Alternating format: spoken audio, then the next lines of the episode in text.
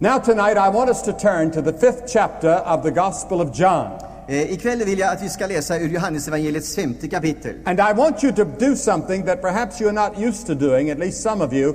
I want you to bring a Bible every night to the service. Och jag vill be er göra någonting som ni kanske inte är vana att göra. Det är att ta med Bibeln till varje möte. Because we're not here to put on a show or an entertainment. För vi är inte här för, någon, eh, för att eh, ha, komma med någon underhållning. We're here to see what the Bible, this ancient book, the last book written nearly 2,000 years ago, has to say about your problems and your life and your destiny tonight in 1978. För vi är här för att tala om för dig vad denna bok som är skriven för 2000 år sedan har att säga om din situation, ditt liv och dina problem. We've heard the voice of the philosophers Vi har hört filosofernas stämma and the psychologists och psykologerna and the political leaders. och politiska ledare. Now let us listen to the voice of God through His holy Men nu word. ska vi lyssna till Guds röst genom hans eget ord. This book is more up to date than tomorrow morning's newspaper. Den här bibeln, den är mer up to date, den är mer aktuell än morgondagens tidning. It speaks to the deepest part of your heart and your soul and your mind. Den talar till det djupaste som finns in i ditt liv, i din själ, ditt inre. So bring your Bibles every night and turn to the passages as we announce them. Så ta med dig Bibeln varje kväll och slå upp det bibelställe som vi nämner. Tonight I want to take an incident out of the life of Jesus. Ikväll skulle jag vilja eh, stanna inför en episod i Jesu liv. Just, uh, oh, I think it was about three or maybe four years ago, I was in India. Eh, För tre, kanske fyra år sedan så var jag i Indien. And uh, I arrived in Calcutta late in the afternoon. Och jag kom till Calcutta sent en eftermiddag. And my host said, Where do you want to go first? Och min värd sa, var skulle du vilja gå först av allt? I said, I want to go see Mother Teresa. Jag sa, jag skulle vilja gå och se Moder Teresa. And so he took me to the house of the dying. Och så han förde mig till det döendes hus, som And we went through a dark uh, little uh, alleyway. Och vi gick genom en mycket, mycket mörk och smal gränd. And we went in. Och så kom vi in And we asked if we could see Mother Teresa. och vi frågade om vi kunde få träffa Moder Teresa. And they said she has been busy all night and all day with dying people, and she's just gone to rest. Men man förklarade för oss att hon har varit upptagen hela dagen med att ta hand om döende människor. Hon har just nu gått för att få en stunds vila.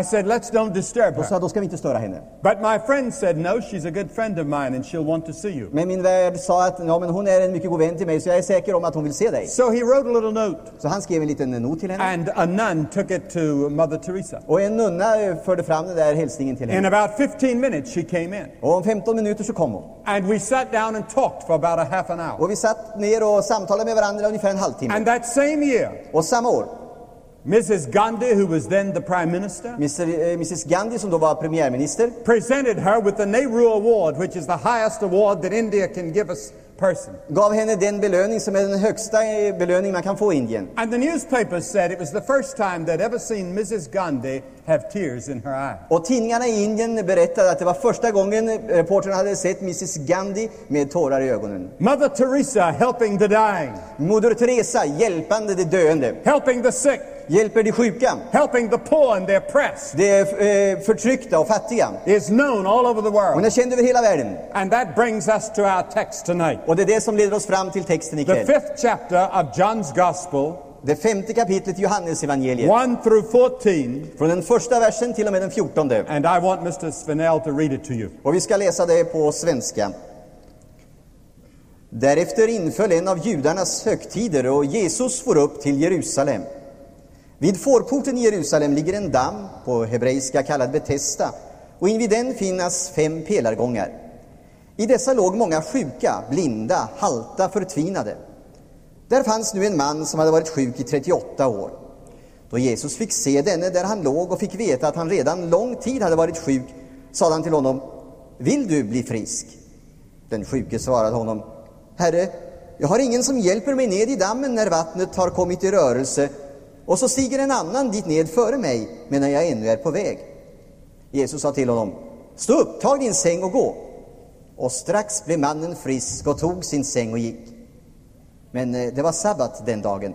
Därför sa judarna till mannen som hade blivit botad, det är sabbat, det är inte lovligt för dig att bära sängen. Men han svarade dem, den som gjorde mig frisk, han sa till mig, tag din säng och gå. Då frågade de honom, vem var den mannen som sa till dig att du skulle ta din säng och gå? Mannen som hade blivit botad visste inte vem det var, ty Jesus hade dragit sig undan eftersom mycket folk var där på platsen. Sedan träffade Jesus honom i helgedomen och sa till honom, Se, du har blivit frisk. Synda inte härefter på det att inte något värre må vederfaras dig.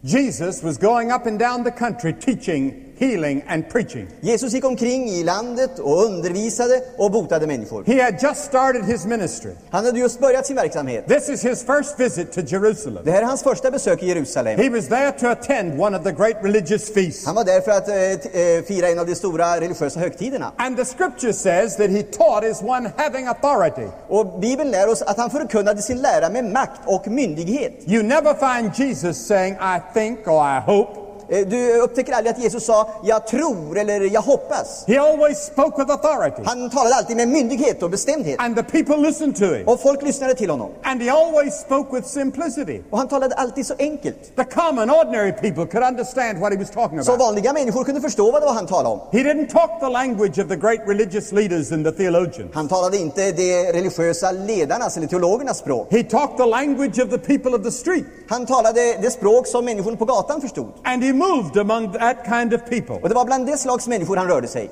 And people today, I find all over the world, want us to say, Thus saith the Lord. Och människor som jag uppträffar över hela världen, de önskar höra oss säga ”Så säger Herren”. Not what does Billy Graham say, but what does God say? Inte vad Billy Graham säger, utan vad Gud säger. What does the Bible say? Vad säger Bibeln?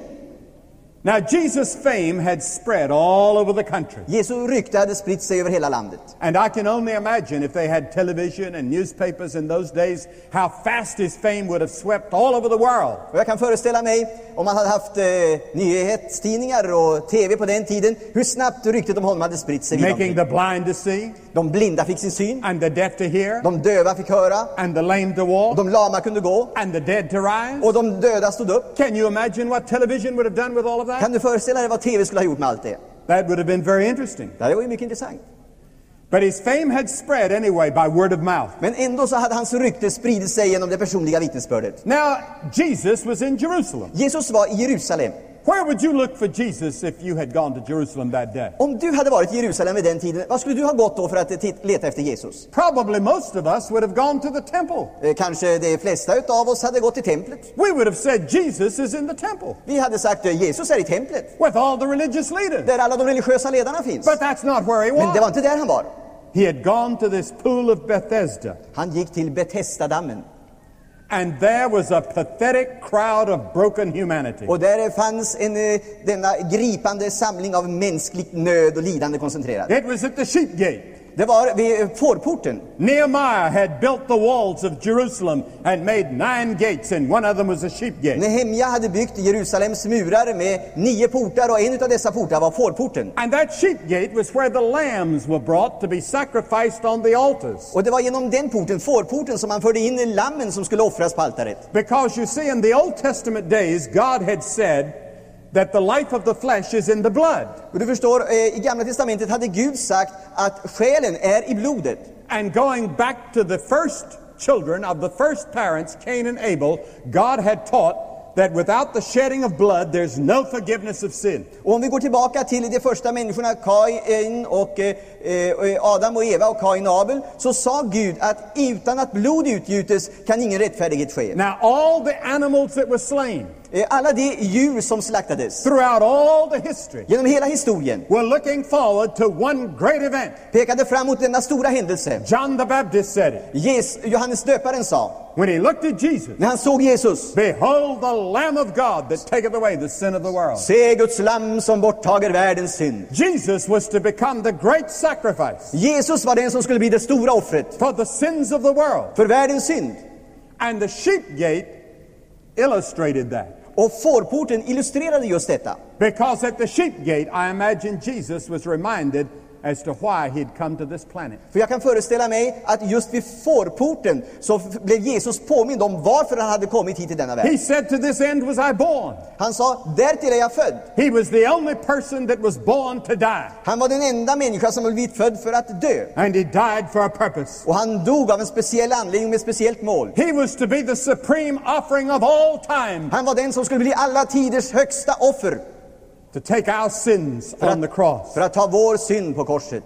So all the animals in the Old Testament were looking forward to the day when Jesus Christ would come as the great Lamb of God. Så offerdjuren i Gamla Testamentet, de såg fram emot den händelsen den dag när Jesus skulle bli det stora offerlammet. People ask me, how were people saved? How did they find God in the Old Testament? Ibland frågar människor mig, hur blev man frälst under Gamla Testamentets tid? By faith, Genom tro. faith in the coming Christ, Tro på den kommande Kristus, who was to be the great Lamb of God, han som skulle vara Guds lamm. illustrated many times in the Old Testament. Det är eh, förutsagt och illustrerat många gånger i Gamla Testamentet. God told Abraham to take his son Isaac and offer him as a sacrifice. Gud eh, sa till Abraham att ta sin son Isak och frambära honom som ett offer. And God took, and, and Abraham took Isaac to Mount Moriah, where Jerusalem is now located. Och eh, Abraham tog sin son Isak och förde honom till Moria berg som eh, fanns där Jerusalem nu ligger. And by faith, he was going to offer his own son. That's how much faith Abraham had. Och i tro så var han villig att offra sin egen son. Och det visar hur mycket tro Abraham hade. We've just seen the meeting at Camp David. Vi har just eh, upplevt mötet vid Camp David. Mr. Begin and Mr. Sadat Det var Mr Begin och Mr Sadat and Mr. Carter. och Mr Carter. One Jewish, Och en jude, one Muslim, en muslim one Christian. och en kristen. But all three looking to Abraham Men allesammans eh, såg tillbaka på Abraham as the great father of the faith. som den som var tron, det troendes fader. Why was Abraham so great? Varför blev Abraham så stor? Because he had so much faith in God that he obeyed God implicitly always. Därför att han hade sådan tro på Gud att han var villig att lyda honom in i minsta detalj. And God honored his faith. Och Gud lönade hans tro. And Abraham is going to be in heaven because of faith. Och Abraham kommer att vara i himlen på grund av tro. Of course, Abraham was a sinner. Naturligtvis var Abraham en syndare. He had broken God's laws. Han bröt mot Guds lagar. He had told lies. Han hade ljugit. He had done other bad things. Han hade gjort andra eh, onda ting. But he was a man that God loved because he trusted God. Men han var en människa som Gud älskade därför att han litade på Gud. And anybody that gets to heaven and anybody that gets their sins forgiven has to come by faith. Och var och en som ska komma till himlen och ska uppleva syndernas förlåtelse måste komma i tro. Now, I want us to look at this place where Jesus came. Nu vill jag att vi ska se på den här platsen som Jesus kom till. It was very much like a hospital. Det var faktiskt likt ett sjukhus. It had five porches, Det fanns eh, fem eh, pelargångar där. and sick people lay all around. Och överallt där så låg sjuka människor. And there was a pool there. Och där fanns en damm. And the people thought that there was some healing quality to the waters if you could be the first person in early in the morning. Och folk hade den föreställningen att eh, det fanns en helbrägdagörande kraft i den dammen. Så att den som först kom ner där varje dag, han skulle bli botad. And so scores of people gathered there. Så skaror av människor samlades. Poor, helpless, all kinds of diseases. De var fattiga, de var utan hopp och de hade alla slags sjukdomar. And that's where Jesus goes. Och det var dit Jesus gick. I imagine that uh, as Jesus looked on that scene of misery, Jag föreställer mig att när Jesus såg på denna olycka som var koncentrerad i, he could see in his mind by imagination the great cities of the world så kunde han i sin eh, fantasi föreställa sig världens stora städer. and all the suffering and all the misery there is in our great cities. Och allt lidande och all olycka som finns i våra städer i vår tid. New York, New York, Chicago, Chicago, Los Angeles, Los Angeles and the cities of my great country. och är städerna i mitt land. I have sometimes stood on Times Square, New York, and just watched the people go by. Jag har ibland stått i Times Square i New York och bara iakttagit människor som har gått förbi. Very few people smiling, Mycket få människor ler very few people happy. och många ser, eh, mycket få ser lyckliga ut. They have everything to make them happy and fulfilled. De har ju allting som skulle kunna göra dem lyckliga. Everywhere you look at the bright lights, Överallt så är det strålande ljusreklam. the theaters, Det är teatrar, the cinemas, det är biografer, the pornography shops, det är pornografiaffärer all the bars for all the drinks, och det är barer där man kan få alla slags drinkar. places to get any kind of drugs you want, Och där är platser där man kan få alla slags narkotika som big bank buildings nearby with many millions of dollars. Där finns bankpalats med miljontals dollar. And yet you very seldom see a happy face. Och ändå så sällan, sällan ser du ett verkligt lyckligt ansikte. Why? Varför? Something's missing. Det är någonting som saknas. What is it? Vad är det? Jesus looked at that place of misery. Jesus såg på denna olyckliga samling som låg där. He saw the moral and the spiritual and the psychological and physical cripples of the world. Han såg det som eh, var eh, moraliskt, andligt, fysiskt och psykologiskt sjuka. The Bible teaches that we're all sick. Bibeln lär oss att vi är alla sjuka. Oh, you say, I'm not sick. Säger du, jag är inte sjuk. I just had an examination. The doctor said I was good. Jag har just varit på läkarundersökning och fått bekräftat att allt är okej. Ah, but the Bible teaches we're all spiritually sick. Men Bibeln lär oss att vi allesammans bär på en andlig sjukdom. Physically, we may be fine, Fysiskt kanske vi är i toppform, but even physically, we're not fine men inte ens fysiskt så är vi eh, fina. Because, okej. because we're all dying. För eh, vi kommer allesammans att dö. There are three things you cannot undo. Det är tre saker som du inte kan undvika. You cannot be unborn. Du kan inte vara ofödd. You were born. Du är född You can't help it. och det kan du inte göra någonting åt. You're here. Du är här. You can't undo that. Du kan inte få det ogjort. The second thing you cannot help, Det andra som du inte kan göra någonting åt, you're going to die. det är att du kommer att dö. From the moment you're born, you're beginning to die. Från det ögonblick som du är född så håller du på att gå mot en stund när du ska dö. And life is very brief.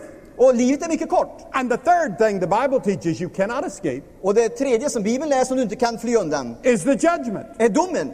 It is appointed unto man once to die, and after that, the judgment, the Det Bible says. människan förelagt att en gång dö och sedan dömas. So, whether you like it or don't like it, those are three things you cannot escape Så vare sig du tycker om det eller inte, så de här tre sakerna kan du aldrig komma undan. birth, Eh, Födelsen, death, döden and standing before God to give an account of the life you've lived here. och att stå inför Kristi domstol för att göra räkenskap för ditt livs gärningar. Now, when Jesus looked upon these people, När Jesus såg på de här människorna the Bible says he saw several kinds of people. så eh, säger Bibeln här att han såg många olika slags människor. He saw the impotent. Han såg de sjuka. Now, those are the people, spiritually speaking, that had the law of Moses. Det var de människorna som andligt sett, de hade Mose lag. They knew the Ten Commandments. De kände till de tio They budorden. could say them by heart. De eh, kunde de kanske utan The till. only problem was they couldn't keep them. Men det enda problemet var att de kunde inte hålla dem. And that's our problem. Och det är vårt problem. We know the Sermon on the Mount. Vi känner till bergspredikan. We know the Golden Rule. Vi känner till den gyllene regeln. We know the Ten Commandments. Vi känner de tio budorden. We know the moral law. Vi känner till de moraliska lagarna. But there's not a person in this room today or watching by television that can keep the Ten Commandments. Men det finns ingen människa som är här i samlingen ikväll eller ser på TV som kan hålla de tio budorden. That's what sin means. Det är det vad eh, synd innebär. Sin is a transgression of the law. It's a breaking of the law. Synd är överträdelse av lagen. And I have broken the law. Och jag har brutit mot lagen. So have you. Och så har du gjort. We're all law breakers. Vi är alla lagbrytare. We cannot keep the law. Vi kan inte hålla lagen. We want world peace. Vi önskar världsfred. We have thousands of conferences on world peace since 1900. Sedan 1900-talet har det hållits tusentals eh, fredskonferenser utöver världen. And billions and billions of crowns spent for peace. Och miljarder miljarder kronor har eh, getts ut för att man ska få fred. We even fight for peace. Och vi till och med har stridit för fred. But in our century, more people have died than any other century in the history of the world through war. Men i vårt eh, sekel, århundrade, har fler människor än någon gång tidigare dött på grund av krig. Now, nobody wants war. Men ingen vill ha krig. Everybody wants peace. Alla vill ha frid och Then fred. why are we arming? Men eh, varför har vi då upprustning?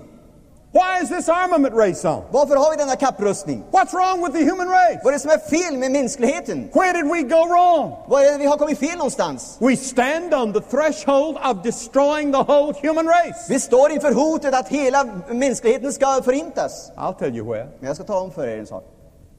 Human heart. Det är männis- mänskli- människans hjärta som felet ligger. Greed, Det är girighet, lust, det är lustar, jealousy, det är avundsjuka, hate. det är hat. Those are only symptoms of a disease that all of us have. Det här är bara symptom på en sjukdom som vi alla har. We've broken God's law. Vi har brutit Guds lagar. And the disease is called sin. Och sjukdomen kallas synd. Now, we don't like to admit that. Men eh, vi vill inte erkänna det. Who likes to admit and say, I'm a sinner? Vem vill eh, tillstå och säga att han är en syndare? We're too proud for that. Vi är för stolta. We don't like to say, I'm wrong. Jag vill inte, vi vill inte säga jag har fel. But before you can ever get in the kingdom of God, you'll have to say, I'm wrong. Men innan du ska kunna komma in i Guds riket så måste du erkänna jag har fel. In fact, the first step to the kingdom of God is to say, I am a sinner. Faktum är att det första steget mot Guds riket är att erkänna jag är en syndare. I've broken God's law. Jag har brutit Guds lagar. When you make that statement, Och när du gör det uttalandet you've taken your first step så, toward the kingdom. så har du tagit det första steget i rik, riktning mot Guds riket. Yes, those that couldn't keep the law were there. Ja, där fanns de som inte kunde hålla lagen. And then the blind were there. Och så står det att det var blinda människor. Now, the Bible teaches that you have two sets of eyes Bibeln lär oss att du har två slags ögon. your natural eye, Du har dina naturliga ögon and you have excellent vision. och du har kanske en eh, fin syn. But you have spiritual eye, Men du har andliga ögon. eyes of your soul, of your spirit. Din själs, din andes ögon. But the Bible teaches that you have been blinded. Men Bibeln säger att du har blivit förblindad. Now, who blinded you? Vem var det som gjorde dig förblindad? I'm not going to go into all of that because that's a whole sermon in itself. Jag ska inte gå in i detaljer här för det är en predikan bara det. But the Bible says the natural man receiveth not the things of the Spirit of God. Men Bibeln lär oss att en själisk människa kan inte ta emot det som hör Guds ande till. In 2 Corinthians 3:14 it says, "But their minds were blind." Det läser vi i Andra Korinthierbrevet tredje kapitlet att dina, deras sinnen var förblindade. The Bible says in 2 Corinthians 4 4 that the God of this world hath blinded their I Andra eyes. Korinthierbrevet 4 och 4 står det att denna tidsålders Gud har så förblindat dem. So some great evil force has blinded our eyes. Så några eh, onda krafter har förblindat våra ögon. And the Bible says the way of the wicked is as darkness. They know not at what they stumble. Och Bibeln säger de ogudaktigas väg är såsom tjocka mörkret. De märka icke det som skall vålla dem fall. And so the blind were there before Jesus. Och där fanns de blinda eh, framför Jesus. And the blind are here tonight. Och de blinda finns här ikväll. Spiritually blind. Andligen blinda. Are you one of them? Är du en av dem? You can have your eyes, spiritual eyes, open tonight can put before it- you leave here. Du kan få dina andliga ögon öppnade här ikväll innan du lämnar mötet. You're blind to your own spiritual needs. Du är blind för ditt eget andliga behov. You're blind to the joy and the peace and the happiness that Christ could bring you. Du är blind för den glädje och lycka och frid som Kristus kan skänka dig. How many young people there are here tonight? Så många unga människor det här ikväll. Searching for a purpose and a meaning to your life. Som söker efter en mening och ett innehåll i sitt liv. A cause to follow. Någonting att följa. Something to really believe in. Någonting att verkligen tro på. Something or someone to give yourself to. Någonting som man verkligen kan ge sig själv åt. Jesus Christ meets every qualification. Jesus Kristus har alla kvalifikationer. You come to him by faith. Det är honom du kommer till med tro. You may not understand intellectually all about it. Med ditt förstånd så kanske du inte kan fatta allt sammans det här. Because the Bible says your mind has been affected by sin. Därför att Bibeln säger att ditt sinne har blivit förblindat. Sin blinds you to God's reality. Syn, eh, synden gör dig blind för Guds verklighet. It blinds you as to what Christ could do in your life if you would surrender your life to Him tonight. De gör dig blind så att du inte kan se vad Kristus Jesus vill göra i ditt liv om du överlämnar åt honom ikväll. So that's why you cannot come to Christ by yourself. Så det är därför du inte kan komma till Kristus av dig själv. The Holy Spirit must help you. Det är den helige Ande som måste hjälpa dig. He convicts you of your sins, Som övertygar dig om din synd. and He helps you to turn from your sin in repentance. Och hjälper dig att vända dig om från din synd och göra bättring. And then the Bible says the cripples were there, the halt were there. Och så läser vi i Bibeln att de halta, krymplingarna var där. You say, Well, I'm not crippled. Du säger, men jag är ingen krympling. Spiritually, you're crippled. Men andligen är du det. Spiritual and psychological cripples are here tonight, just as they were there. Andligen och psykiskt, eh, psykiska krymplingar är här ikväll. You have a conscience. Du har ett medvetande Your conscience tells you what to do and what not to do. och ditt samvete säger vad du ska göra och inte göra. But you don't have the strength to obey your conscience. Men du har inte styrka nog så du kan följa samvetets röst. So what happens? Så vad händer då? You become a spiritual cripple. Jo, du blir en andlig krympling. And after a while, your conscience gets harder Och så efter någon tid så blir ditt samvete förhärdat and harder och hårdare and harder. och hårdare. And after a while, you cannot hear the voice of conscience. Och efter någon tid så kan du inte ens höra samvetets röst. You can tell a lie, Du kan ljuga, conscience doesn't bother you. men eh, samvetet anklagar dig inte. That's a very dangerous place to be Det är en farlig situation att hamna i. because the Spirit of God speaks through the conscience. För det är Guds röst som talar genom samvetet. And you have heard Him speak, Och du har hört honom tala, and you did nothing about it. och du gjorde ingenting åt det. And your conscience has become harder and harder. Och ditt samvete har blivit hårdare och hårdare. That's the reason the Bible says now is the accepted Det time. är därför Bibeln säger nu är den välbehagliga tiden. Today is the day of salvation. Idag är frälsningens dag. Come while you can. Och det är nu du kan. You may never have another moment like this. Du kanske aldrig mer får ett tillfälle som det här. The Bible says, He that hardeneth his heart, being often reproved, shall suddenly be cut off, and that without remedy. Och det står i Bibeln att det är den som eh, här- förhärdar sitt hjärta och får ofta tillrättavisning och bara eh, tar emot förhärdelse, han ska bli avhuggen. Constantly through the Bible it says, now, now, now is the day of salvation. Genomgående i Bibeln så står det nu, nu, nu är frälsningens dag. And then the withered were there. Och sen läser vi att eh, de förtvinade var där, de som var förlamade. Those are people whose wills are unable to respond. Det är eh, sådana människor vars vilja inte har möjlighet att eh, reagera. You see, there are three little men that live inside of you Det finns tre ting som bor inom dig. your mind, Det är ditt sinne, your emotions, dina känslor and your will. och din vilja. Now, the most important is your will. Det mest betydelsefulla är din vilja. My mind has been affected by sin. Mitt sinne har påverkats av synden. I may be a brilliant engineer, Jag kanske är en strålande ingenjör a brilliant scientist, eller vetenskapsman. but my mind was affected as far as God is concerned. Men eh, vad Gud beträffar så har mitt sinne blivit förblindat och förstört. And then your emotions may be stirred Och så kanske dina känslor kan komma i rörelse by a song, genom en sång by a television program, eller genom ett tv-program. or however your emotions are stirred. Och hur blir dina känslor påverkade? Maybe stirred at a service like this. Kanske till och med i ett möte som det här. But that's not the important thing. Men det är inte det som är det mest betydelsefulla. Your mind may look at Jesus Christ Ditt sinne kan se på Jesus Kristus and say, I could, I could really accept him, I think. och säga så här att jag jag skulle kunna tänka mig att ta emot honom.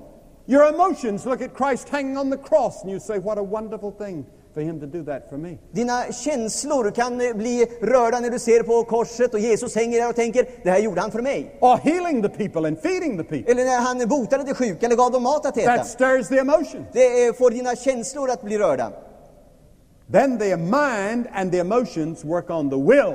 Men sinnet och känslan verkar på viljan. And you really don't know Christ until your will says, I will Men du- receive him. I will follow him. Men du lär aldrig känna Jesus Kristus som din frälsare förrän du säger, jag vill följa honom. My wife is sitting on the platform. Min fru sitter här på plattformen ikväll. She just arrived today Hon kom just här idag and she's a little bit sleepy, och hon är lite sömnig coming fortfarande all the way from the United States. efter att ha rest ända från USA. But when we got married 35 years ago, Men när vi gifte oss för 35 år sedan uh, the clergyman asked me if I would have this woman to be my lawfully wedded wife. så frågade vigselförrättaren mig om jag ville ta denna kvinna till min hustru och älska henne. Now, we did it publicly. Vi gjorde det offentligt. A crowd was there in the church, Det var mycket folk där i kyrkan and I was trembling, och jag var darrande and my knees were shaking. och jag skakade riktigt i knäna. And uh, we had memorized our vows. Och vi hade på så sätt eh, eh, vi hade eh, gått igenom vad vi skulle säga, alltså lärt oss det. And I had forgotten mine. Men jag hade eh, glömt bort vad jag skulle säga. And I made them up as I went along. Så jag eh, kom på det vart efter jag fortsatte där jag gick igenom det. But the minister said, Will you have this woman to be your lawfully wedded wife? Men eh, vigselförrättaren sa, vill du taga denna kvinna till din äkta hustru? What did I answer? Vad svarar jag? Well, I'd like to. Ja, jag skulle vilja det. Uh, I, I, I hope so. Ja, jag hoppas det. Uh, I love her. Ja, jag älskar henne. No. Nej, I said, I will. jag sa jag vill, Not that loud. eh, fast inte så högt. And that's what you say to Christ. Och det är det du ska säga till Kristus. I will. Jag vill. I will receive you as my own. Jag vill ta emot dig som min egen. I will serve you and follow you and love you. Jag vill tjäna dig och följa dig och älska dig. Oh, you say, I've already done that. Och säger du, det, det där har jag ju redan gjort. I was baptized. Jag är ju är ju döpt, I was confirmed. jag är konfirmerad. But did you really say that? Men eh, sa du verkligen det? I too was baptized. Jag har också blivit döpt. I was vice president of the Young People's Society in our church. Jag var vice ordförande i ungdomsföreningen i den församling jag tillhörde. But I really didn't know Christ for myself. Men jag kände inte verkligen Jesus Kristus. So you know what I needed? Så du vet vad jag behövde? I needed to receive Christ into my own heart for myself. Jag behövde ta emot Jesus Kristus i mitt eget hjärta, för mig själv. Now, that didn't undo my baptism. Men eh, det gjorde inte mitt dop om intet. It didn't undo my confirmation in the church Och when det I gjorde was inte- 12 years old. Och det gjorde inte heller eh, om intet konfirmationen som jag var med om när jag var 12 år gammal. It reconfirmed my confirmation. Men det bara bekräftade och förnyade min konfirmation. It made reality of what I had promised and Och, said. och det gjorde och gav verklighet åt det som jag hade lovat och som jag hade sagt. So these are the people that Jesus was dealing with. Så det var de här människorna Jesus stod inför. And interestingly, Jesus went to only one person in all that crowd. Men det är intressant att se att Jesus gick till just en människa i hela denna samling. He went to a man that had been waiting 38 years. Han gick till en man som hade väntat där i 38 år. And this man had tried everything else to be healed. Och den där mannen hade försökt allting annat för att bli frisk. Now, why did Jesus go to him? Men varför gick Jesus till honom? I think he went to him because he was the worst off person there. Jag tror att han gick dit därför att eh, det var eh, den personen som hade det värst utav alla där. Why do people get crippled and so forth Varför blir människor sjuka på det sättet? and have disasters? Och upplever eh, förödelse och svårigheter? The Bible teaches there are different reasons. Eh, Bibeln säger att det är olika orsaker. But in this particular case, that man was crippled because he was a sinner when he was young and he had committed some grievous sins that had caused him to be crippled. He had done some wrong things. Maybe he'd been in an accident. Maybe he'd been in a fight. I don't know what it happened. Men av den, i det här sammanhanget finner vi att det var en speciell anledning till att den här mannen hade blivit sjuk på det här sättet. Det var synder som han hade begått i sin ungdom. Vad slags synder det var inte, men eh, kanske han hade råkat ut för en olyckshändelse eller varit i slagsmål eller vad det nu kunde vara. We're told that in verse 14. Vi läser det i den fjortonde versen. Every time he would try to get into the water Varje gång han försökte komma ner i dammen to get what he thought would be healing, för att uppleva det man räknade skulle ske, somebody else would beat him to it. så var det någon annan som kom före honom. And he was always behind. Och han kom alltid i andra hand. And that had happened for 38 years. Och så hade det skett i 38 år. So he'd given up hope. Så han hade gett upp allt hopp. He just thought it was impossible. Han tänkte bara att det är omöjligt. How many of you feel dead inside as far as God is concerned? Hur många av er är det som känner sig döda invärtes när det gäller Gud och tanken på honom? You, you say, well, you know, it's for some people, but it's really not for me. Du säger ja, det, det kan vara för en del människor, men det är nog inte för mig. You've never found any joy in Christ. Du har aldrig upplevt någon glädje i Kristus. You've never found any joy in reading the Bible and praying and witnessing for Christ. Du har aldrig upplevt någon glädje att läsa Bibeln och vittna om Jesus Kristus. Christ doesn't dominate your thinking and your life. Kristus Jesus dominerar inte ditt tänkande och ditt liv. And you say that's for other people, it's not for Du me. säger det för andra människor, inte för mig. But it is for you, Men det är för dig. it's for everyone. Det är för alla.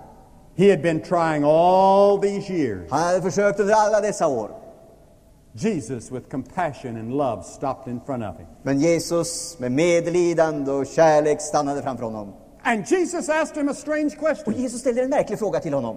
Jesus said, Do you want to be healed? Jesus säger, vill du bli frisk? That seems almost cruel. Det verkar nästan grymt. Well, you know he wanted to be healed. Jag förstår väl att han ville bli frisk. You count up 38 years. Räkna ut 38 år. That means that 14,000 times he had tried to get into that water. Det innebär att han hade försökt 14 000 gånger att komma ner i det vattnet. Of course he wanted to be healed. Det är klart att han ville bli frisk. Why would Jesus ask that? Varför frågade då Jesus honom? To teach you and me a lesson. För att lära dig och mig en sak. Do you really want to follow Christ? Vill du verkligen följa Kristus? Oh, you say yes. Ja, visst vill jag det. He's a wonderful person. Han är en underbar person. When you see him a long way off and read about him in the Bible, he looks wonderful. När du ser honom på avstånd och läser honom i Bibeln så verkar han underbar. But then you begin to read the fine print Men sen läser du det finstilta and you find out how much it costs to follow Christ. och du kommer underfund med hur mycket det kostar att följa Kristus. He said, You'll have to take up a cross and follow me. Han säger du måste ta ditt kors på dig och följa mig. You'll have to deny self. Du måste förneka dig själv. And the closer you get to Jesus, Och ju närmare du kommer Jesus the more unsure you are. så blir du mer och mer osäker. I read about a, ma- a man in America. Jag läste om en man i Amerika. He'd been in prison for 45 years, Han har varit i fängelse i 45 år. and his term was up. Och så var hans straff avtjänat. He was released. Och han blev eh, fri. And he was very happy, and they had his picture in the newspaper, and he was smiling all over. Och han var mycket lycklig och han kom på bild i tidningarna och han log mot alla. One month later, he came back to the prison. En månad senare kom han tillbaka till fängelset. He said, I cannot live outside. Han sa, jag kan inte leva utanför fängelsets I've murar. lived so long in the prison. Jag har levt så länge i fängelset. They said, Well, we can't take you back. Ja, men vi kan inte ta dig tillbaka, sa man. He said, What kind of a crime would I have to commit to get back? Men vad måste jag då begå för brott för att jag ska kunna få komma tillbaka igen? So he went out and committed robbery, and they put him back. Så han gick ut och, och eh, begick ett rån så han fick komma tillbaka. And there's some of us that are so bound in sin Och det är många av oss som är så bundna av synd. that we love our sins so much Och vi älskar våra synder så mycket that we really don't want to be well. We don't want to be set free. att, vi inte verkligen vill bli fria. We think we do, Vi tror vi vill, but we really don't. men vi vill inte i själva verket. And Jesus was asking that man, Do you really want to be made Och whole? Jesus ställer frågan, vill du bliva frisk? And the man answered back and said, Yes, I do want to be made whole. Och mannen svarar och säger, ja, jag vill bli frisk. Jesus said, All right, rise, take up your mallet and walk. Jesus sa, stå upp, tag din säng och gå. And he stood up, Och han stod upp, absolutely healed, fullkomligt frisk, instantaneously, på ett ögonblick. took up his mat Tog sin madrass and walked. och gick. And the crowd was astounded. Och människopen var förvånad.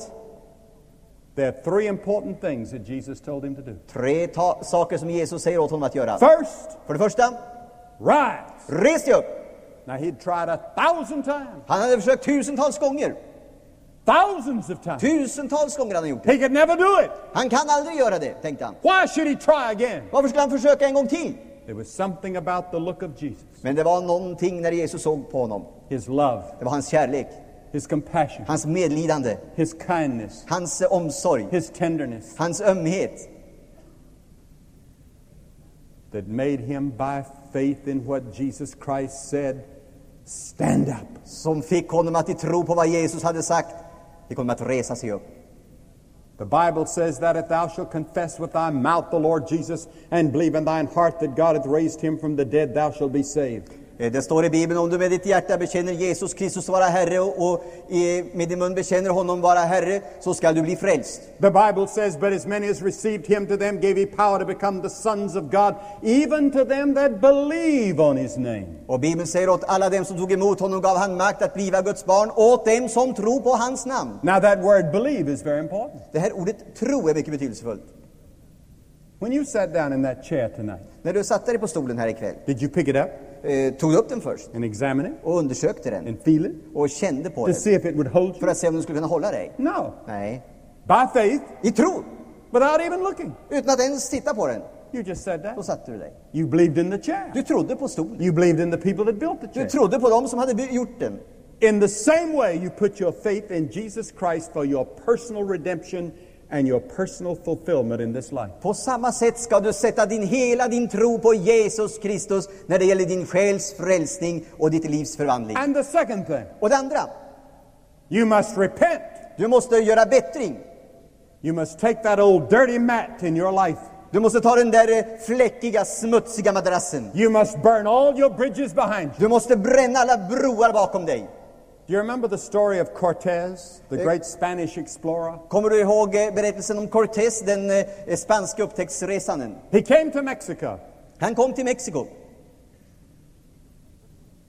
and he looked at the jungle.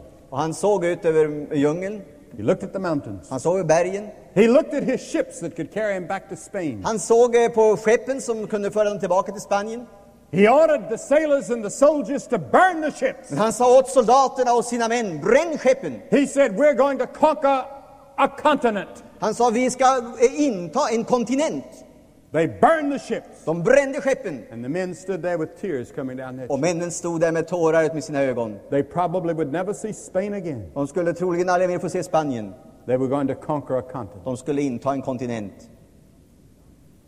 God says, Gud säger, You must repent of your sin. du måste bättra dig från din synd. You must burn the bridges. Du måste bränna broarna. When you come to Christ, it must be all out. När du kommer till Jesus Kristus så måste det vara helt och fullt. Oh, at first, Och det är helt. you may not be able to be a great, strong Christian. så kanske du känner först att du inte kan bli en stark kristen. The Bible says you start out as a little child, Bibeln säger att du börjar som ett litet barn, spiritually mean. andligt sett. Oh, you may be a professor at the university, Du kanske är professor vid universitetet. but when you come to Christ, you start as a Men när child, du kommer till Kristus så börjar du som ett barn. a spiritual child. Ett andligt barn.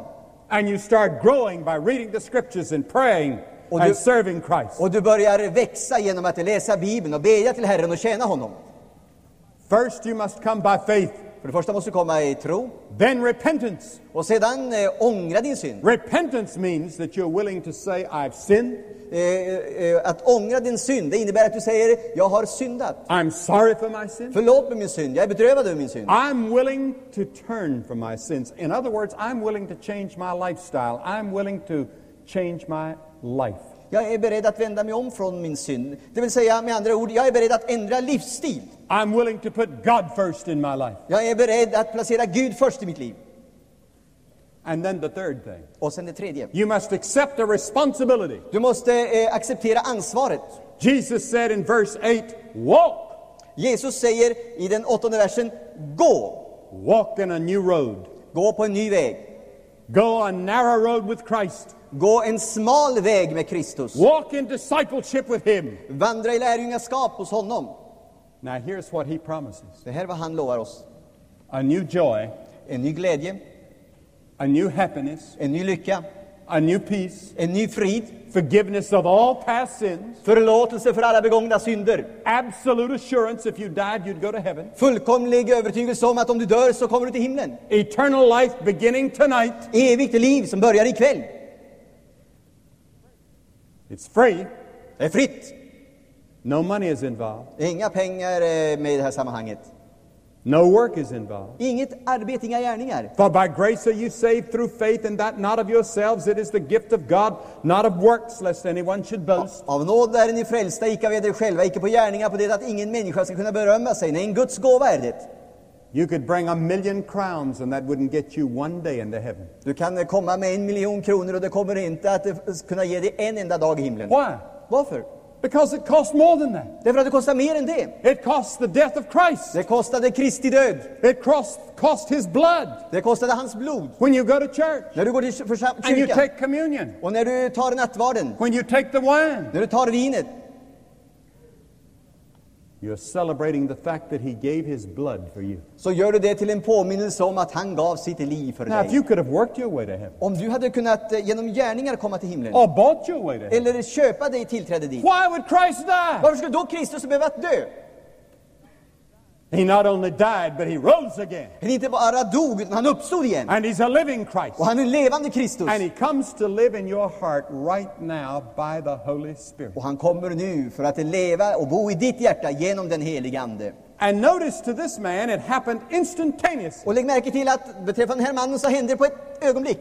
Almost every person that came to Christ in the New Testament, they found Christ instantaneously, like the Apostle Paul on the road to Damascus. Nästan varje människa som kom till Jesus Kristus enligt Nya Testamentet fick uppleva förvandlingen ögonblickligen, precis som Paulus när han var på väg till Damaskus. Like the Philippian jailer. Eller fångvaktaren i Filippi. They were others like the Ethiopian nobleman or Cornelius that had been studying and praying and thinking about it. Vi hade som den etiopiske hovmannen Cornelius eh, studerat och undersökt Guds ord och bett.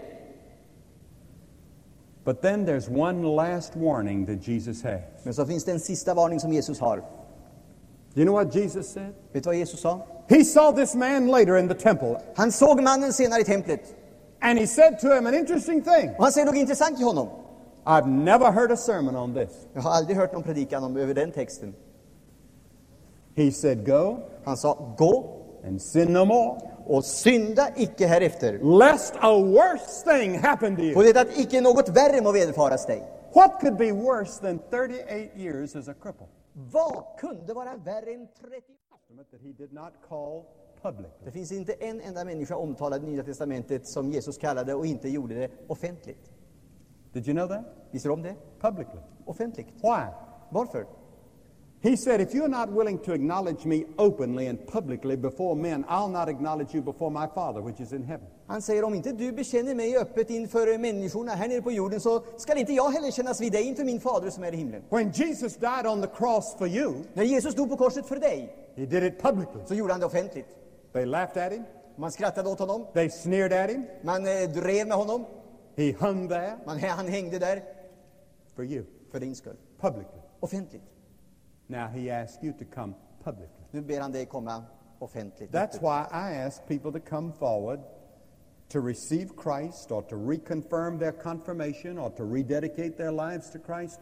I ask them to come publicly. Det är därför jag ber människor att komma fram så här offentligt, för att ta emot Jesus Kristus, för att eh, eh, förnya löftena man gav i sin konfirmation, eller för att på nytt lämna sitt liv åt Kristus. And I'm going to ask you to do it tonight. Och jag ska be er göra det ikväll. I'm going to ask scores of you. Och jag ska be skaror av er. You know you have a need of Christ. Du vet att du har ett behov av Kristus. I'm going to ask you to get up out of your seat Jag ska be dig lämna din plats and come and stand in front of the och platform, komma och stå här framför plattformen. As we saw hundreds do last year in Gothenburg, Precis som vi såg hundratals göra förra året i Göteborg. and as we've seen people on every continent. Och som vi har sett människor göra på varje kontinent. I'm going to ask you to get up out of your seat Jag ska be dig lämna den platsen där du sitter dig and come and stand here quietly and reverently. och komma och stå här tyst och stilla i vördnad. And after you've all come, Och när ni allesammans har kommit I'm going to have a prayer with you. så ska jag bedja tillsammans med er. We're going to give you some literature to help you in your Christian Och vi life. ska ge er en del litteratur som ska hjälpa er i ert kristna liv. And you can go back and join your Och friends. sen kan du gå och förena dig med dina vänner igen.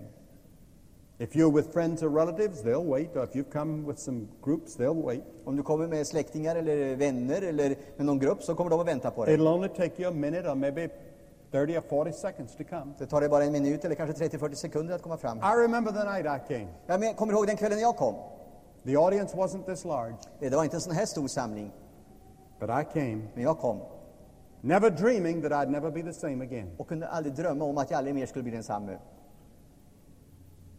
And it changed my life. Det förändrade mitt liv. I'm asking you to come tonight. Nu ber jag dig komma ikväll. Just get up right now, quickly, from everywhere. Just nu, Hundreds of you. just nu så ska du lämna din plats, hundratals utav er. Most of you are members of the church already. I'm not asking you to join the church. De flesta av er är kanske redan medlemmar i en församling. Jag ber er inte att komma för att bli medlem i en församling. I'm asking you to rededicate yourself to the Christ that you promised when you went to the church. Jag ber att du ska komma över för att på nytt överlämna ditt liv åt Jesus Kristus och förnya de löften som du gav när du blev medlem i församlingen. And you know you need your sins forgiven and you need a new life. Och du vet att du behöver få din synd förlåten och du behöver ett nytt liv. Just come right up to the platform. Kom här, fram till Quickly, plattformen. from everywhere. And I'm Kom going to snabbt. ask that no one leave, please. Och vi ber att ingen lämnar samlingen just nu. God is speaking to hundreds of people. Gud talar till hundratals människor nu. And you that are watching by relay, Och du som ser här via TV, get up out of your seat lämna din plats. and come to the front of your Och auditorium kom fram i samlingen där du befinner dig. right now, Gör det as precis nu. people are already coming here. Precis som människor kommer redan här. Men, women, young people, quickly, you come. Kvinnor, män och unga människor, kom nu snabbt.